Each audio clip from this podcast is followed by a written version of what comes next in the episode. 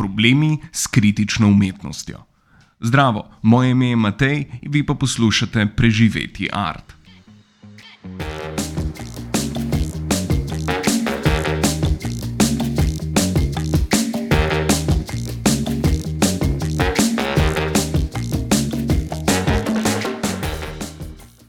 Včeraj je bila otvoritev razstave avtorice Nike Autor z naslovom Usrečite sebe in družino, v kateri je umetnica predstavljala nadaljevanje svojega razmišljanja o beguncih in migranski krizi.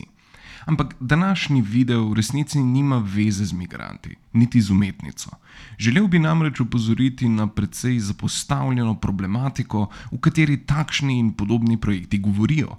Galerije resnično niso najboljši prostor za socialne in politične kritike. Včasih je umetnost realno bila odličen medij za širjenje kritičnih misli, predvsem v času, ko vlada ali vladajoči posamezniki niso najbolje prenašali družbene kritike. Pomislimo na giljotino in zapiranje aktivistov v taborišča in druge slične ustanove. Sedaj pa se časi spreminjajo in galerijski prostor nikakor ni optimalna rešitev za širjenje kritičnih misli. Zakaj? Galerija v resnici upravlja eno in edino primarno funkcijo. S svojim delovanjem ponuja prostor za srednji in višji sloj, ki je namenjen odločanju o tem, kdo je kje na hierarhični lestvici v družbi.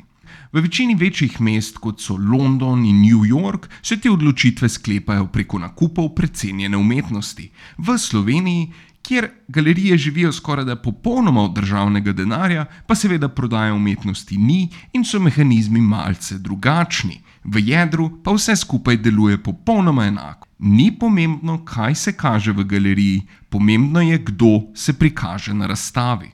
S tem pa se pojavi ogromna težava za vso kritično umetnost, ki se seveda trudi širiti določeno sporočilo v želji po boljšem jutri, Ne samo, da je to sporočilo skoraj popolnoma preslišano, saj obiskovalec otvoritve takšne razstave nikakor ne zapusti mnenja, da bi resnično bilo kaj potrebno postoriti, bori si glede migrantov, neupoštevanja človekovih pravic ali katerekoli druge socialne tematike. Sam kontekst galerijskega prostora je popolnoma napačen za uspešnost takšnih sporočil.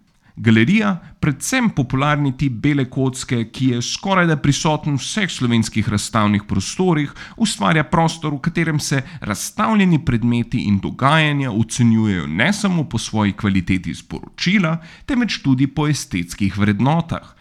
Kljub temu, da je konceptualna umetnost rahlo uničila pomembnost predstavitve in izdelave umetniškega produkta in njegovo estetsko izkušnjo, lepo ali grdo, se to merilo še vedno urine v naše razumevanje umetniškega predmeta. Ko smo v galeriji, namreč vsi vemo, da to, kar gledamo, ni kar nekaj, ampak je nekaj, kar ima določen pomen. Mora ga imeti, če ga ne bi bilo, seveda ne bi bilo razstavljeno.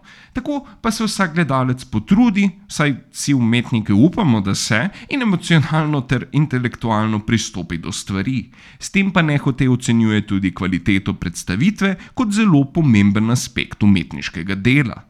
Kritična umetnost v takšnem kontekstu ne more preživeti. Sporočilo je degradirano do vprašanja uporabe materijalov in zagovarjanja, zakaj določena kritika ni bila narejena kot video, ampak v obliki slike oziroma druga popolnoma nepotrebna razgabljanja o kvaliteti dela, namesto da bi se pozornost usmerila na samo sporočilo. V današnji dobi imamo boljše načine, kako širiti takšne misli, ki jih včasih seveda ni bilo, od crowdfundinga, socialnih medijev in vseh drugih kanalov, do katerih ima vsak posameznik dostop zagotovljen v svojem žepu. Govorim seveda o mobilnih telefonih. Vsi ti mediji pa delujejo mnogo bolje, kot bi takšna umetnost kadarkoli lahko.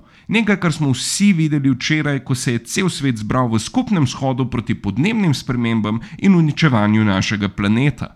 Takšni shodi pa, ne glede na njihovo uspešnost, govorijo o mogoče težki, a resnični problematiki. Ne glede na to, kako dobro sliko ali kako kompleksno instalacijo bo umetnik postavil v galerijski prostor, ne bo naredila skoraj nič za okolje in sočloveka v primerjavi s tem, da svojo energijo raje usmerimo v trenutni trash challenge in realno naredimo razliko. Hashtag trash challenge. Umetniške razstave pa naj bodo usmerjene v to, za kar realno so. pitju vina in merjenju svojega položaja v družbi.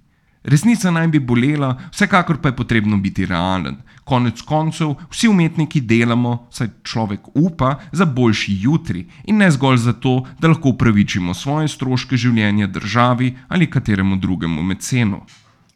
Hvala za poslušanje, se vidimo v naslednji oddaji Preživeti art.